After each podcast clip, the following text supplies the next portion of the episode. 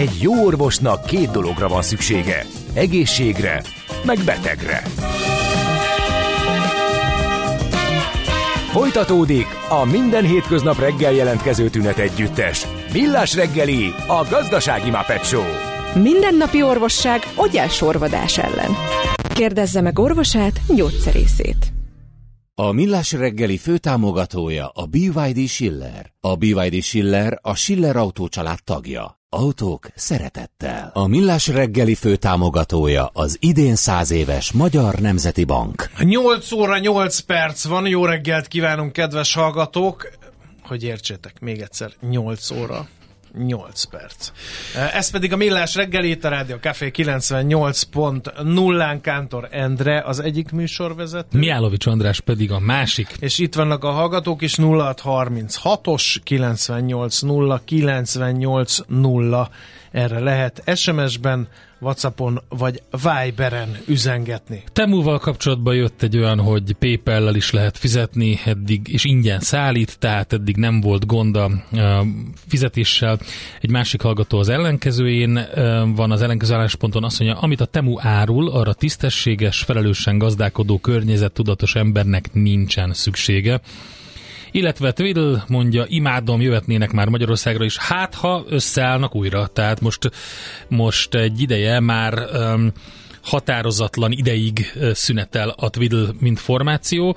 A Mihálinak van szóló karrierje, jelen pillanatban azzal foglalkozik, most jelenik meg majd a második lemez ebből.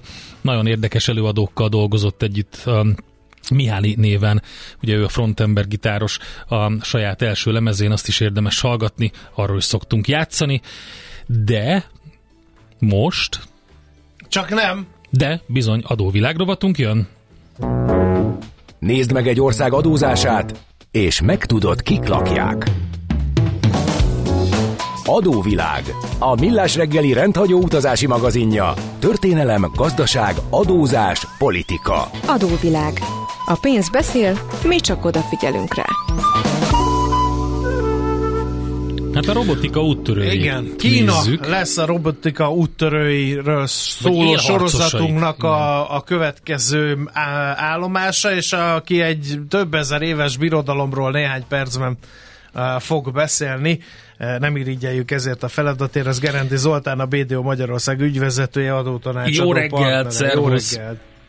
Jó reggelt, sziasztok! Na hát a adózási van, szempontból az könnyű Kínáról... kezdjük? Ne, ne, mondom, adózási szempontból könnyű Kínáról beszélni, hiszen lényegében magát az adózást is kínaiak találták ki a rossz nyelvek szerint. Ugye a göncöl, kis göncöl, nagy göncöl náluk ez úgy néz ki, hogy kis adószedő, nagy adószedő, mint csillagkép, úgyhogy ez már önmagában elég sokat mond a, a történelem során mindenhol, ahol nagyobb birodalmak voltak, ott az adók is megjelentek, mert azokat a birodalmakat fönn kellett tartani tehát eh, ebbe Kína sose volt kicsi.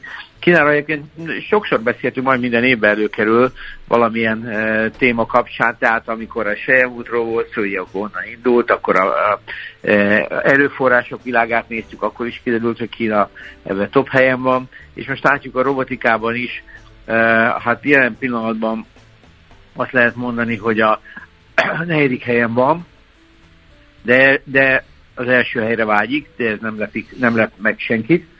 De e, én úgy gondolom, hogy, e, hogy, hogy maga az ország e, roppant érdekes, és emiatt ez a hír egyáltalán nem meglepő. Tehát ami a röviden végigfutva, tehát hogy, hogy mi honnan indul, azt tudjuk, Kínáról rengeteg adat van, pontosan tudjuk, hogy a, a gyakorlatilag évezredek óta az ipari fejlődésen vagy ott voltak, tehát a, a sejemút is maga a textil, papír, és egy csomó egyéb más exportjára tehát ők világ életükben exportáltak rengeteget, tehát egy nagyon, nagyon, nagyon, nagyon meghatározó ország volt ebből a szempontból.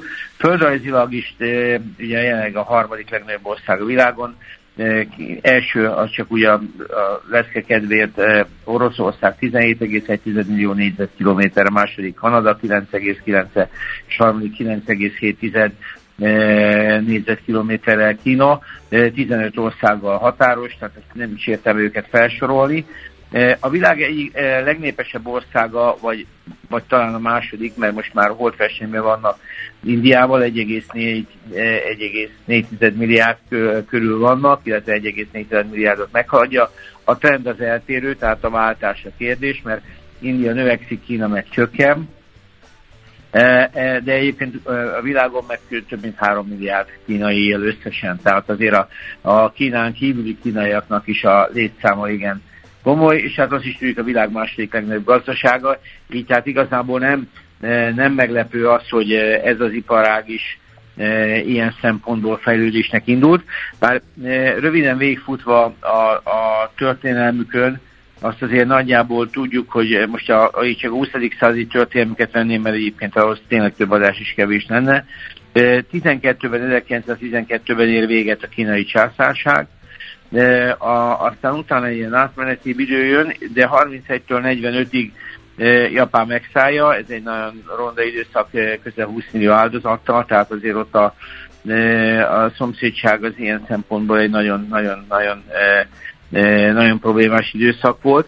49-ben jön, tehát 49 végén a, a kommunista, tehát a, gyakorlatilag a kínai polgárháború befejeződik, és a, akkor jön ez a szeparáció, amiről múltkor beszéltünk Tajván kapcsán, tehát Kína kommunista berendezkedésű lesz, ami, ami egy zárt országá is válik, mert 1976-ban amikor meghal Mao, akkor, akkor kezd el a változás indulni, és a Mao Zedong után követő Deng Xiaoping 78-tól vezeti ezeket a változásokat. Az, amit Kínánál látunk, az egy közel 50 éves forduló, ő nyitja meg az országot, és annak az eredményeként látjuk ezt a irgalmatlan nagy fejlődést, amit, ami hát gyakorlatilag önmagáért beszél.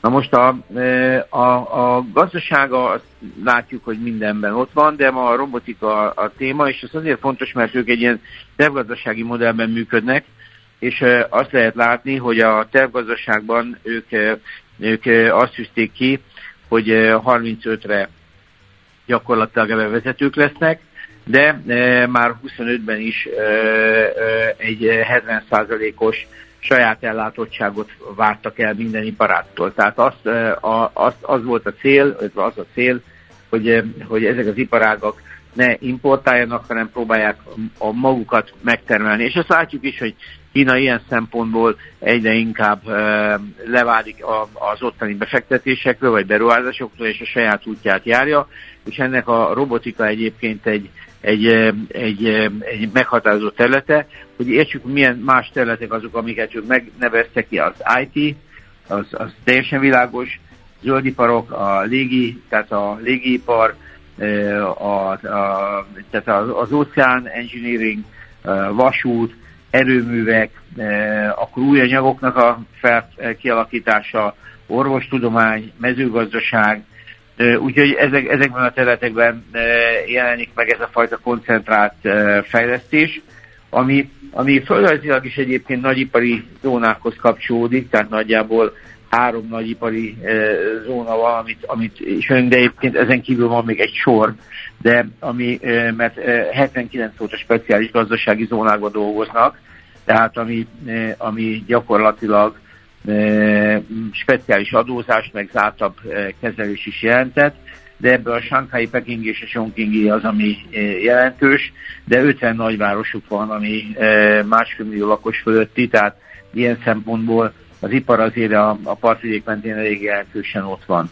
Tehát azt kell, azt kell, hogy lássuk, hogy a kínai ipar önmagával véve óriási, és hát gyakorlatilag ilyen szempontból a robotika eh, nagyon jó táptalajon van, és az, hogy még a negyedikek az tényleg egy állapot, de és a legnagyobb cégek azért, ahogy láttuk ennek a piacnak az élén Japánál még mindig, de kérdés az, hogy tényleg eh, Kína el fog-e tudni ide jutni. Most az adórendszerük, amelyik, eh, amelyik egyébként egy, egy, nem egy túl bonyolult adórendszer. Várj egy pillanatot, nem, egyébként egy igen. időben nagyon sokan ostorozták ezt az adórendszert, hogy ez igazából ilyen nagyon-nagyon hogy is mondjam, csak túl szép, hogy igaz legyen adórendszer Kína részéről, hogy oda édesgessenek, akit csak lehet. akár nagyvállalatokat, akár nagy koponyákat, akár vagyonos embereket. E, ez egyrészt igaz volt-e, így nemzetközi mércével mérve, másrészt ennek vége? Ugyanezzel, hogy akkor fordítottak egyet, és már nem összeszerelő üzem, hanem technológiai érharcos akarnak lenni? Ennek vannak jelei? Igen, igen, tehát ugye a különböző ipari zónáknak pont az volt a lényege, hogy speciális adókörnyezetet is biztosítottak, tehát ezeket az iparágokat, amikor bejöttek, tehát amikor a nyitás megvolt, és az országot úgymond kinyitották, akkor ezekben a zónákban települtek be ezek a vegyes vállalatok. És a vegyes vállalatokban mindig volt kínai tulajdon, tehát ezek ilyen feles vállalatok voltak, e, és hát ugye itt, itt e, nagyon sok vita volt, és itt tovább, tehát hogy, hogy ezek hogyan működnek, e, tudás elszívás, és így tovább de ezek kedvező adómértéken mentek, de Kínának valójában mindig is, tehát a, a, a kínai piac nyugati oldalról nézve nem elsődlegesen csak a, a, a kedvező adómértékek miatt volt, mert azt máshol is megtalálták. Ugye kedvező volt az elején a bérrendszer, ami már nem annyira, hiszen látjuk a robotika nem nagyon tudna fejlődni, a nagyon olcsó lenne minden, e, tehát a munkaerőköltség. Másrésztről e, pedig én azt gondolom, hogy ami, ami itt volt a kínai piac önmaga. Tehát nagyon sok e, olyan nyugat-európai e, beruházó vagy e, gyártó ment oda, amelyik önmagában azt a piacot is el akarta látni. Uh-huh. Hát látjuk például a Volkswagen vagy német autóipar is de döntő mértékben függ a, a kínai eladásoktól. Tehát ott Kína önmagában ő akkora piac, hogy, hogy, hogy, hogy nagyon komoly fordulókat tud előidézni. Tehát ez volt a másik, másik ok. Tehát igen, az elején kedvező adómértékek voltak, ma is vannak kedvező adómértékek, tehát a saját iparágaikat támogatják, csak szerintem ezek ma már nem vegyes vállalatok. Tehát Kína gyakorlatilag amikor robotikáról beszélünk, akkor nem e, kínai és mondjuk amerikai vagy japán vegyes vállalatokról beszélünk, hanem e, nyers kínai e, hát cégekről. Ez nem a... tetszik az Európai Uniónak, ugye ezért vizsgálják például az autóipari cégeket, hogy ők milyen bújtatott állami támogatással tudnak ilyen gyorsan ekkorára nőni. Hát csak azzal tudnak, meg egyébként a piacvédelmükkel, tehát ez, ez, ez teljesen egyértelmű csak a, csak a kérdés az az, hogy ez, ezt a piacot ők, ők adókedvezményekkel segítik-e vagy nem. Segítik részben, de nem meghatározott. Tehát Kínának az általános besorolás egyébként, hogy értsük, az OECD-nek ez a gyakorlatilag az ázsiai pacifikus térségben vett átlag adószintje az 21,7% a GDP-hez mérten, és Kína ez alatt van 21, de most Európa, meg mi is 34% körül mozgunk. Tehát azt lehet látni, hogy azért még mindig eh, kedvező, eh, kedvező adózások. Nyilván kedvezőtlenebbek, mint mondjuk Afrikában, mert Afrikában az átlagadó szint az 16 ki a GDP-hez mhm. mérten. Tehát ők összességében eh, Kína igenis, igenis ad ilyen szempontból kedvezményeket, de ezek a kedvezmények azért nem olyan, ma már nem ezek a meghatározók, főleg amikor saját cégekről beszélünk. Tehát eh, most, hogy konkrétan beszéljünk, a, a társasági adó mértékük az e, gyakorlatilag e, 25 százalék, de ez például a technológiai cégeknél 15 százalék, illetve vannak olyan speciális ilyen fejlesztési adókedvezmények, amivel 100 százalékos adókedvezményt is el tudnak érni a beruháznak. Tehát e, itt azért ez van, és, de az átlag adókulcsuk az 25 százalék. Most az fontos, hogy Hongkong azért az nincs ez alatt a rendszer alatt. Tehát Hongkongnak ez a fajta külön pozíciója megvan, de Hongkong azért nem a robotizáció fellegvára, tehát egy kereskedelmi szempont, és az adó kedvezménye is elsődlegesen arra épülnek, hogy ott is ugyanilyen magas a társasági adó a cégeknek, viszont ott az árfolyam nyerességek nincsenek adóztatva, és ezért Hongkongnak ez a fajta tőkepiaci funkciója maradt meg erősnek, illetve majd látni fogjuk, hogy az SZIA-ba ott 17% van, miközben a mainland, tehát a Kínában ez 45% is lehet. Tehát azért ez egy, ez egy elég komoly, komoly ugrás, de a kínai adórendszerről, ha beszélünk, abban nincs benne Hongkong, ezt fontos érteni. Tehát Hongkong az, és Macau is egyébként csak az jelentéktelenebb gazdasági szempontból, de csak a, a mainland a, a, ami szempont. Na most a, a, a, ami, ami, ami e, az adókulcsokat jelenti, tehát 45%-os az SZIA-juk progresszív, e, mértékű a társasági adóról beszéltünk, de helyi adójuk nincsenek, e, ami, ami még érdekes, egy csomó más adójuk, ilyen kisebb adók sincsenek, mint például a örökösödési adók, vagyonadók, ilyen egyáltalán nincsen, De a ingatlanadóik vannak, ez most talán nem annyira jó hír, főleg így a, a, a kínai ingatlanválság kapcsán, de, de a, gyakorlatilag az adórendszerük azért ilyen szempontból áttekinthető. Nyilván közigazgatásilag nagyon nagyok, mert, mert rengeteg területi, uh-huh.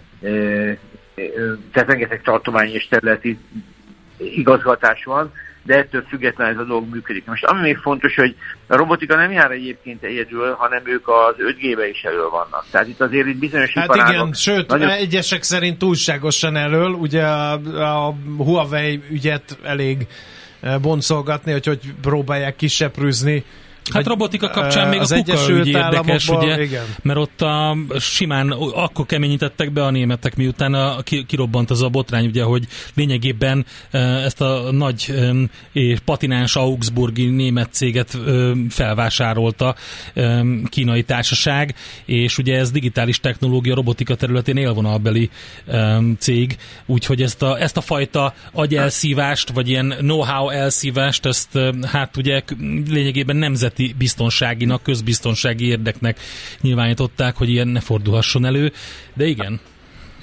Na most azért fontos még ezt látni egyébként, mert, mert, mert, mert egy trend, és az ipari robotizációjuk az évi 30%-kal nő, tehát 15-től 20-ig csak, hogy egy számot lássunk, itt a matematika azért 72 ezer robotról mentek föl 210 ezerre, mm. és ma már azt lehet mondani, hogy 52 iparágban vannak robotizációs irány, tehát előlépések, automobil gyártás, elektronika, akkor a fémgyártás, világítás technika, petrokémia, az orvos, orvoslásban. Tehát gyakorlatilag azt lehet mondani, hogy a, jelenleg Kína a legnagyobb piaca ma ezeknek a robotikai eszközöknek is egyben, tehát ezért, ezért ez egy nagyon, nagyon meghatározott terület, és hát én úgy gondolom, hogy ez nem fog változni. Szóval azt lehet látni, hogy adójogilag vannak kedvezmények, nyilván erre a területre vonatkozóan is, ezek szerintem ma már elsődlegesen kínai cégek, tehát nem a vegyes vállalati korszakban vagyunk, vagy ahogy mondtátok, is ilyen agresszívabb cégvásárlások vannak Európában vagy a nagyvilágban,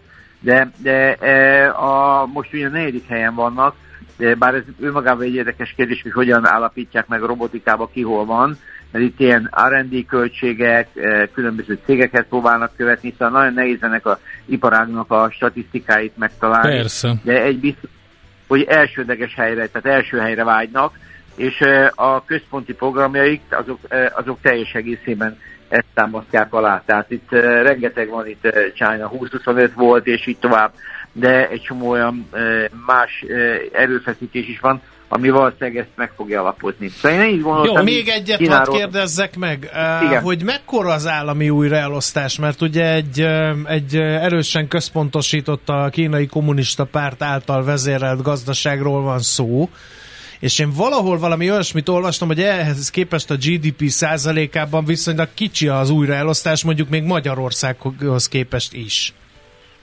Hát ez a textú GDP tulajdonképpen ezt mutatja, Aha. tehát hogy 20% körüli, tehát a GDP 20%-át teszik ki az adók, az, az, az folyik be a költségvetésbe.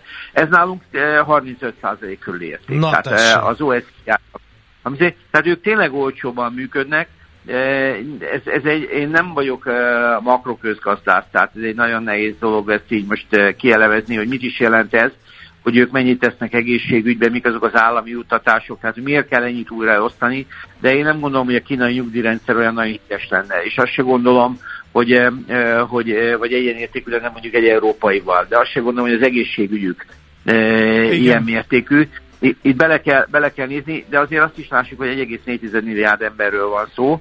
De hát ott biztos, nehéz tévét működtetni, igen. Nehezebb, mint, mint igen. máshol, igen. Tehát százalékosan alacsonyabbak, tömegében viszont szerintem a sokszorosa az európainak. Igen. Tehát eh, amit ők ott újra elosztanak. Tehát itt azért a százalék és az abszolút érték között nagy különbséget kell tenni. Oké, okay. rendben értjük. Köszönjük szépen, Köszönjük Zoli. szépen az információkat. Köszi. Politikai Sziasztok. oldalról majd szervusz. Feledi Botont külpolitikai szakértő beszél Kínáról. Most Gerendi Zoltán, a BDO Magyarország ügyvezetői adótanácsadó partnere mondott el adójogilag jó sok mindent. Folytatódik az adóvilág. A Millás reggeli rendhagyó utazási magazinja. Nézd meg egy ország adózását, és megtudod, kik lakják. Adóvilág A pénz beszél, mi csak odafigyelünk rá.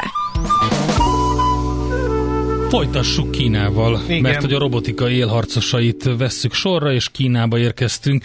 Dr. Feledi Botont külpolitikai szakértő a vonalban. Szervusz! Na, jó reggelt no, kívánok, sziasztok! Hát most akkor kell félni a sárkány évében Már a megint. sárkánytól, vagy nem, mert mennek a lufik. Hát Tajvan fölé, meg a vadászgépek, meg a, vadászgépek, meg a motorcsónakok, meg, a minden, meg mindenki. Hadihajók. Megint elkezdték bizergálni Tajvant a kínaiak de közben meghűtik a kedélyeket többen, hogy Kína még nincs kész. Nyugodjon le mindenki. Vladimir Vladimirovics sem támadja meg Ukrajnát, mondták annak idején ugyanezek az elemzők, aztán mi lett belőle, de most Kínával kapcsolatban hűtik a kedélyeket, szerinted?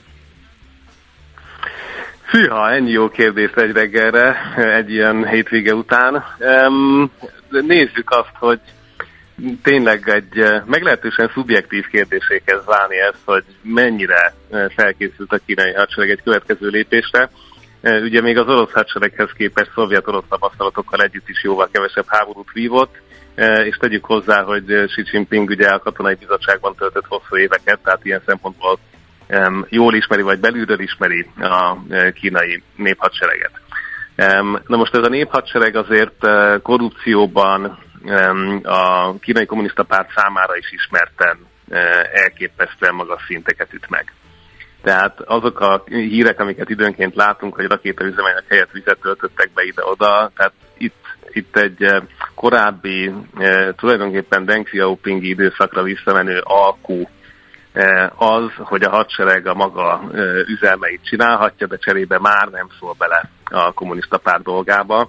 Tehát itt egy nagyon másik viszony van a hadsereg és a, a párt között, mint ami mondjuk Oroszországra akár 2022. februárjában jellemző volt. Uh-huh. Um, az amerikaiak minden esetre komolyan veszik Kínát, hiszen szemlátomást a közel-kelettől kezdve a NATO-n keresztül a jövendőbeli amerikai elnökaspiráns is ugye erre tett célzást, de a Biden kormányzat is úgy tűnik, mint hogyha hagyjatok minket békén a hülyeségeitekkel, európaiak, meg, meg palesztinok, meg izraeliek, mi, mi, mi a nagy sárkányra akarunk koncentrálni a csendes óceáni Igen, térség. sőt, hát ezt, ezt már Obama elkezdte, tehát a Great Reset a, a, az oroszok irányát leszámítva azért alapvetően a, a csendes óceán indiai térség Indo-Pacifikra koncentrált, e, és valóban a mostani uniós amerikai vita e, legsúlyosabb pontja az a kínaiakhoz való jövőbeli kapcsolat kérdése.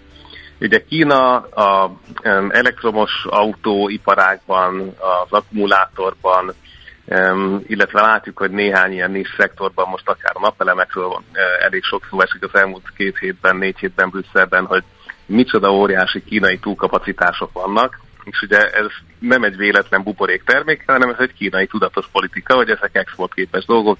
Az állam ugye ezeket támogatta szana szét, részben ezért is zajlik uniós vizsgálat például a elektromos autóipar egyes szereplőivel szemben, és ezeket a túlkapacitásokat exportálják gyakorlatilag Európába és vagy Amerikába. Ugye Amerika sokkal keményebben jár ezekben a témákban, és erre akarják rávenni az európaiakat is, csak hogy az európai ipari szereplők egy része ebbe a buliba benne van. E, egyébként nyilván a Tesla is jelen van Kínában, tehát e, ez nem kizárólagos e, hát német autóipari privilégium. Ugye, mindenki jelen van Igen. valamilyen okból, Tájföld, vagy a Tájföldön, Tájvánon is, mint a chip függőség szempontjából, meg hát Kínában is, úgyhogy gyártás és elektronika és elektrotechnika szempontjából, ha csak ezt nézzük. Ráadásul az Egyesült Államoknak elképesztő külkereskedelmi deficite van Kínával Igen, szemben, de, illetve de, de ugye Kínának meg óriási energia tehát, igénye tehát, van. Tehát én, mint jelentős geopolitikai jellemző, ezért nyugodtan alszom, mert hogy az amerikaiak annyira rá vannak utalva Kínára, és Kína és, és az Egyesült Igen. Államokra, hogy ezek aztán biztos nem fognák összerúgni a patkót. E, így van, tehát amerikai állampapírból rengeteget tart Kína, ebben teljesen igazad van. E, ugye az első világháborúig is ezt gondoltuk, hogy ez a gazdasági függőséges segít a béke nemzetközi megtartásában, amit aztán a személyiségek felül tudnak írni.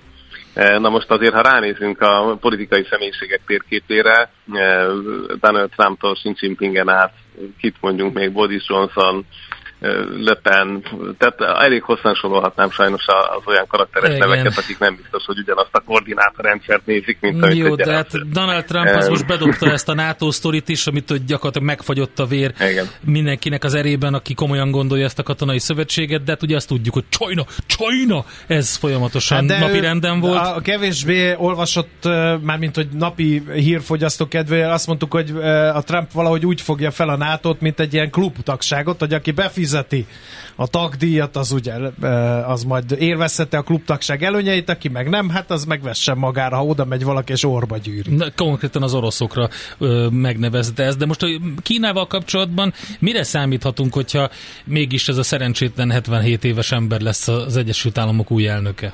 Nem minősítgessed az elnök urat, mert jön a CIA és téged is orva Nem gyűr. hiszem. Na, me, me, mondjad, mondjad, légy hát szíves, ez, ez, ez, ugye már egy nagyon áttételes kérdés, de szerintem tehát azt tisztázzuk, hogy, hogy Xi Jinping azért nem azzal kell és fekszik szerintem, hogy, hogy Tajvant akkor holnap elfoglalja el, tehát hogy rengeteg belső probléma gyötri Kínát. Tehát ugye a túlnépesedési csúcspont elérése után van egy elképesztő demográfiai probléma, ami adott. E, ugye a fiatalok munkanélkülisége brutális, meg is szüntették az adatközlést. E, ugye rávették az új kémkedési törvényel a, még a nyugati, vagy hát a külföldi szereplőket is, hogy gyakorlatilag egy cég, ha jelentést küld haza a saját számairól, akkor az akár kémkedésnek minősülhet. E, ugye a katonai erőben elképesztő lefejezések zajlanak, ahogy egyébként a kormányban is volt tavaly, csak november-decemberben négy minisztercsere és ha ezeket mind nézzük a gyenge növekedés mellett, azzal, hogy múlt héten Hongkongban ugye a nagy ingatlan céget végül csak elindították a felszámolást brutális uh-huh. tartozás állományjal, a teljes ingatlan szektor, ahol ugye a középosztály megtakarítása van jelentős részben, hiszen nincs érdemben belső olyan pénzpiac, amit mondjuk a, a nyugati középosztály megszokott. E, tehát itt, itt azért e, akárhogy nézzük, ez egy robbanásveszélyes belső közeg, amit Xi Jinpingnek kezelni kell. A legrosszabb verzió az, hogyha ő ezt külső veszélyforrások felnagyításával akarja, na, és mondjuk na, ez hát ez majd az, vagy Amerika Hát lesz. úgy kell elterelni a belső problémákról a figyelmet, hogy ellenséget keresünk a határainkon túl. Indultak emiatt háborúk egyébként, hogy mindennek ez az így oka? van, tehát ellenség, ez, ez, ez egy műk, vagy bevett recept, az a kérdés, hogy a mostani kínai e, fiatalok, illetve középosztály akar-e háborúzni azért, vagy gondolja azt, hogy egyébként tényleg ez egy nagyobb veszély, és erről már szinte alig vannak megbízható számaink, tehát hogy Kínában nem kommunista párti közvéleménykutatást csinálni azért nem triviális dolog, vagy, vagy akár csak az internetről megpróbálni reprezentatív érzelmi kutatást készíteni, hogy ott ugye amikor több tízezer állami cenzor dolgozik ezen óránként, hogy nehogy meglátszódjon a népvéleménye. Tehát ez egy nagyon-nagyon nehéz jóslás, és emiatt vagyunk egy veszélyes évben akkor, főleg, hogyha Donald Trump is maga visszajutna a Fehérházba jövő januárban, mert két nagyon kiszámíthatatlan embernél az a kockázat, hogy valaki a másik lépését már agressziónak veszi, az sokkal nagyobb. E, tehát igazából ebbe, ebbe az utcába sétálunk most befelé, e, miközben mind a kettőnek otthon elképesztő társadalmi stabilitási kihívásai vannak. Ugye az Egyesült Államoknál is látjuk, hogy a polarizáció az újabb rekordokat dönt minden szempontból és nagyon sokféle réteg között miközben a demokrácia intézményei is elképesztő nyomás alatt állnak. Tehát, hogy ezt egy egyszerű külső ellenségkép teremtés meg tudja oldani a 21. században a közösségi média idején, na hát ezt a társadalmi kísérletet éljük.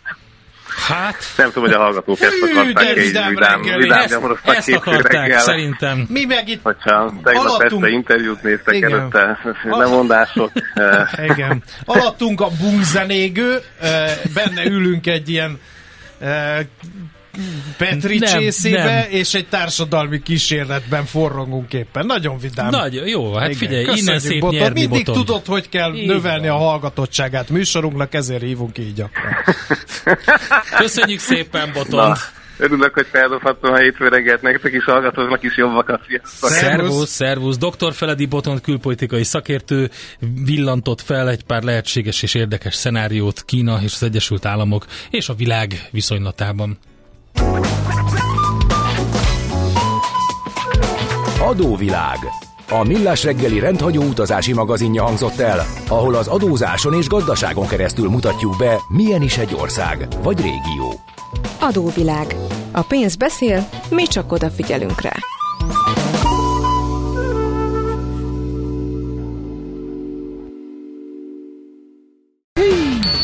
Jé, hát ez meg micsoda? Csak nem. De egy aranyköpés. Napi bölcsesség a millás reggeliben. Hm, ezt elteszem magamnak.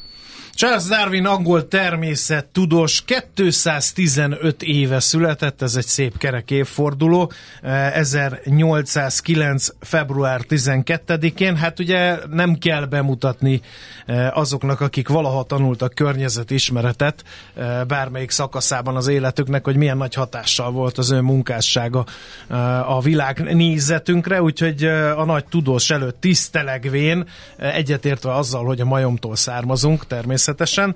E, e, hozzunk egy aranyköpést, mert így hangzik Charles Darwin magyar hangja Kántor Endre. Én, ja, jó.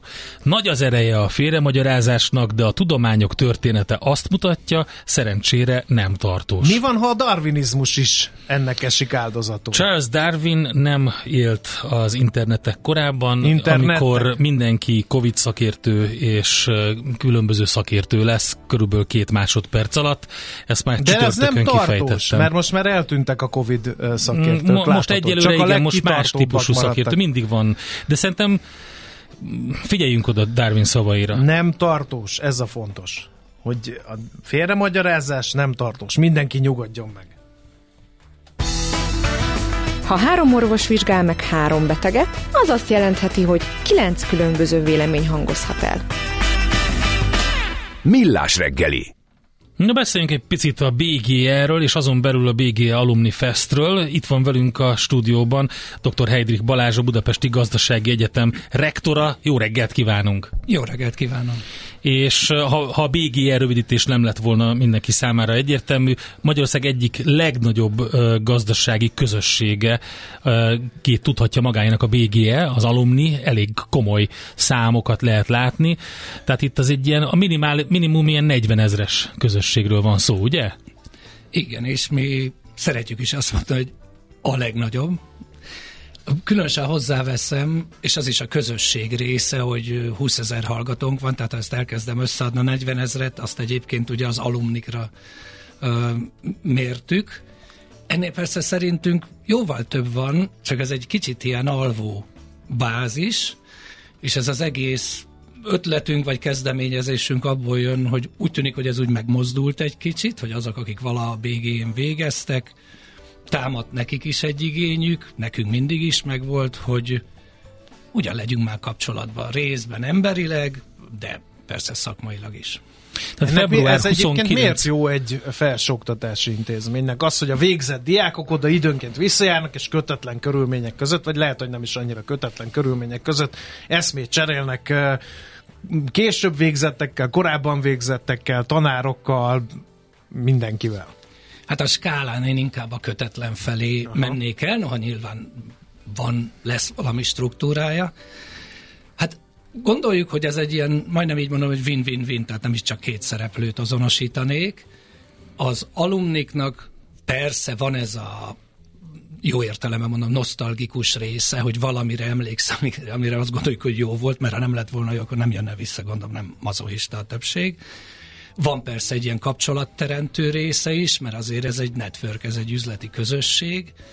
Hát ami nekünk mindig is elsődleges, és ez nem üti egymást, hogy, és ez borzasztó jó a hallgatóinknak is, tehát hogy kapcsolatba kerülnek azokkal, akik nálunk végeztek, és van nagyon erős, nagyon jó szakmai tapasztalatuk, ezt oktatói szintről azt tudom mondani, hogy ez nem hiúsági kérdés nekünk, hogy mi nagyon örülünk, hogy nem csak az oktatóktól hallanak arról, hogy mi zajlik az üzletéletben. Hát hogy ne tudhatnának sokkal többet nálunk, azok, akik épp valamelyik területen gyakorló szakemberként dolgoznak, tehát jó a hallgatóknak, és hát azért a legvégére hadd mondjam, hogy az nekünk, mint egyetemnek, mint Budapesti Gazdasági Egyetemnek, ez végtelenül hasznos, hogy egy ilyen intenzív kapcsolatban vagyunk, és itt biztos, hogy nem ilyen vagy olyan irányú tudás átadásról beszélnek, és nem is szeretném ezt a szót, hanem az a célunk, és szerintem az lehet szellemileg izgalmas, és van már rá példa, hogy itt közösen jönnek létre programok, jellemzően például akár hallgatók felé. Uh-huh. Hát Itt nagyon sok, oktató, nagyon sok oktató is egyébként Igen. alumni, BG alumni, úgyhogy megvan az a fajta kapcsolódás, hogy, hogy ő, ő, mint volt egyetemi diák is látja, átlátja ezt az egészet. Tehát ez nem egy ilyen nagyon elszeparált dolog, hogy vannak az oktatók, meg vannak a volt diákok. Nem, egyáltalán nem, tehát nem is szeretnénk ezt így Hát valahogy meg kell nevezni persze természetesen, hát most a saját oktatóinknál ők majd feldolgozzák ezt az identitásválságot, hogy egyszer oktatóként is benne van, meg, meg ne egy Isten volt alumnink. Inkább mondom, ez a, hogy, hogy szippantsuk be jó értelemben azt a nagyon nagy közösséget, aki most arra abban az állapotában van, bár van, akik egész fiatalon már van ilyen igényük, hogy a hallgatók felé mentori programokban vesznek részt, elviszik ilyen shadow management programra saját céghez, hogy ott lássák, hogy hogy működik egy vezető. Tehát így jellemzően azért úgy tudom mondani, hogy az alumnik részéről is ezek melós dolgok, tehát uh-huh. ebbe bele kell fektetni energiát legalábbis, mert ez nem pénzkérdés. Aminek nyilván megvan a, a kimenet oldalon a, a, a hozadéka, tehát azért itt nagyon fontos az, hogy ezek ilyen gyakorlati jellegű. Tehát egy ilyen, egy ilyen üzleti közösségnek biztos az a, az a legnagyobb pozitívuma, hogy, hogy egyrészt megvan a kapcsolat rálát a piacra, az aktuális problémákra, megoldásokra, és így aztán mindenki profitál belőle, tehát ezért, ezért lehet ez a win-win benne. Szerintem van is egy ilyen igénye a hallgatóknak, vagy a, a üzleti ajánlatunkba, vagy értékajánlatunkba. A BG-n ez kezdettől benne van, hogy mindig is ezt mondjuk, persze ennek nehezebb megfelelni, mert csak mondogatja az ember, az kevés, hogy hogy mi voltunk, maradunk, és szerintem leszünk is az ilyen leginkább gyakorlatorientált egyetem, de ahhoz ez kell, hogy valós kapcsolatunk legyen folyamatosan, leginkább például az alumnikkal. Február 29, tehát ekkor lesz a BG Alumni Fest, és elég sok nagy vállalás van ezzel kapcsolatban, ami tényleg hangzatos. Lehet egy kicsit így előrevetíteni, hogy mi az, amivel találkozhat itt bárki, aki a Budapesti Gazdaságegyetemre járt? Igen, hát itt volt egy ilyen kérdés az előbb, hogy mennyire, hogy is volt. És mi van azokkal, akik nem, nem jártak, azok nem kapcsolódnak, valami mond.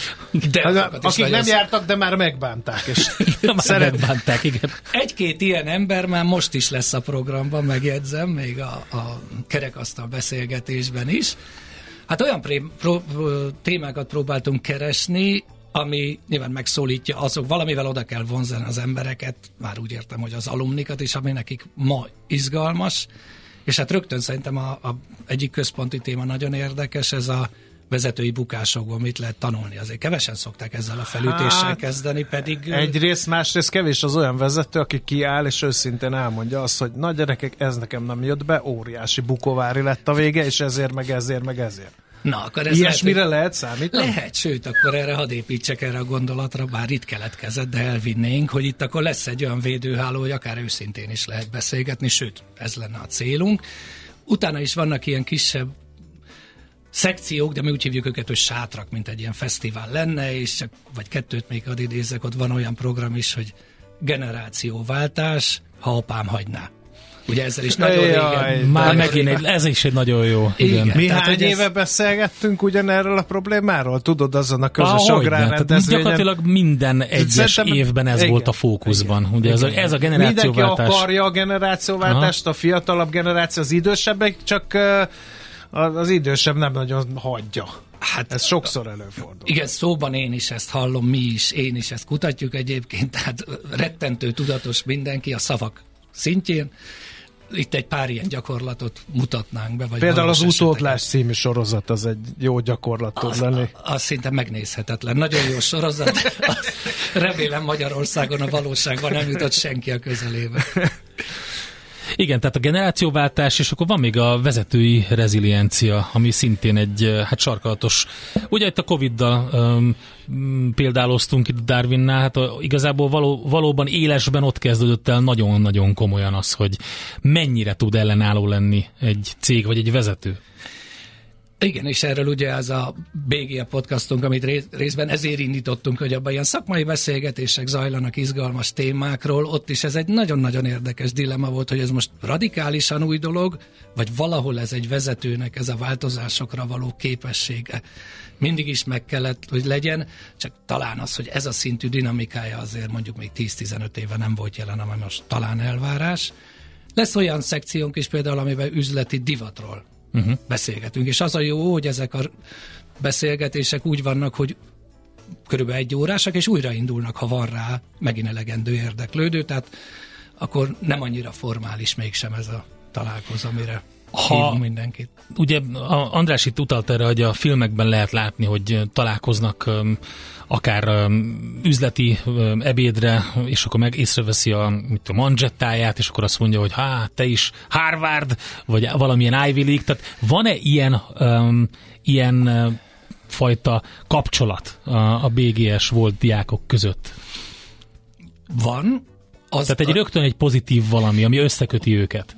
Van egy ilyen Hát a bizalomnak valami nehezen megfogható szintje, uh-huh. mert ugye ez kicsit olyan, mint a hétköznapi életben, hogy attól, hogy valaki valakinek, ahogy magyarul mondjuk a földie, abból mi jó következik, nem is ismerték egymást, de úgy megnyugszanak, hogy mind a ketten az ország ugyanazon részéből származnak, tehát van. De ami a kérdésben is benne volt, hogy ebben, hát különösen az Egyesült Államoktól, vagy az angol száz világtól ez, ez a szintű kötődéstől el vagyunk egyelőre maradva, pedig vannak alapjai, de ez nagyon lassan akar beindulni, ez nem BGS sajátosság, uh-huh. ez a többi magyar egyetemen is egy állandó kihívás. Hát pedig hely az van rá, tehát gondolom, hogyha valaki most így észbe kapott, hogy ha ho, ho ő is oda járt, lehet ide csatlakozni, hol, hol lehet leginkább, melyek azok a platformok?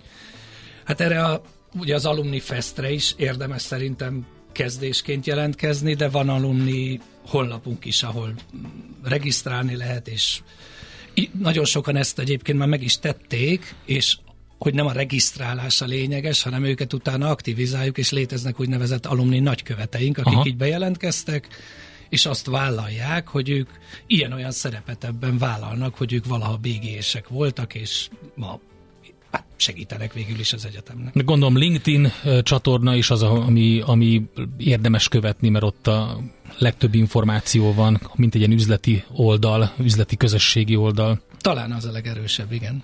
Tehát akkor február 29, BG Alumni Fest, szerintem érdemes megnézni a honlapon, hogy milyen programok vannak, és hogyha valaki alumni volt, szeretne lenni, vagy ezt csak érdekli, mint például Andrást, igen. az üzleti divat, mert az az egyik olyan, ami állandóan előkerül, ugye András? Főleg nálam. Ugye? Akkor, akkor például jelentkezhet.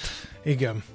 Jó. Hát sok sikert ez, mi szurkolunk neki, tehát szeretjük az ilyen együttműködéseket, vagy az ilyen jellegű eseményeket. Nagyon szépen köszönjük. BG Alumni Fest, tehát február 29-én dr. Heidrich Balázs, a Budapesti Gazdaságegyetem rektora volt itt a stúdióban. Most pedig hírek jönnek, aztán jön Mihálovics gazda a rovatunk, úgyhogy érdemes akkor is velünk tartani.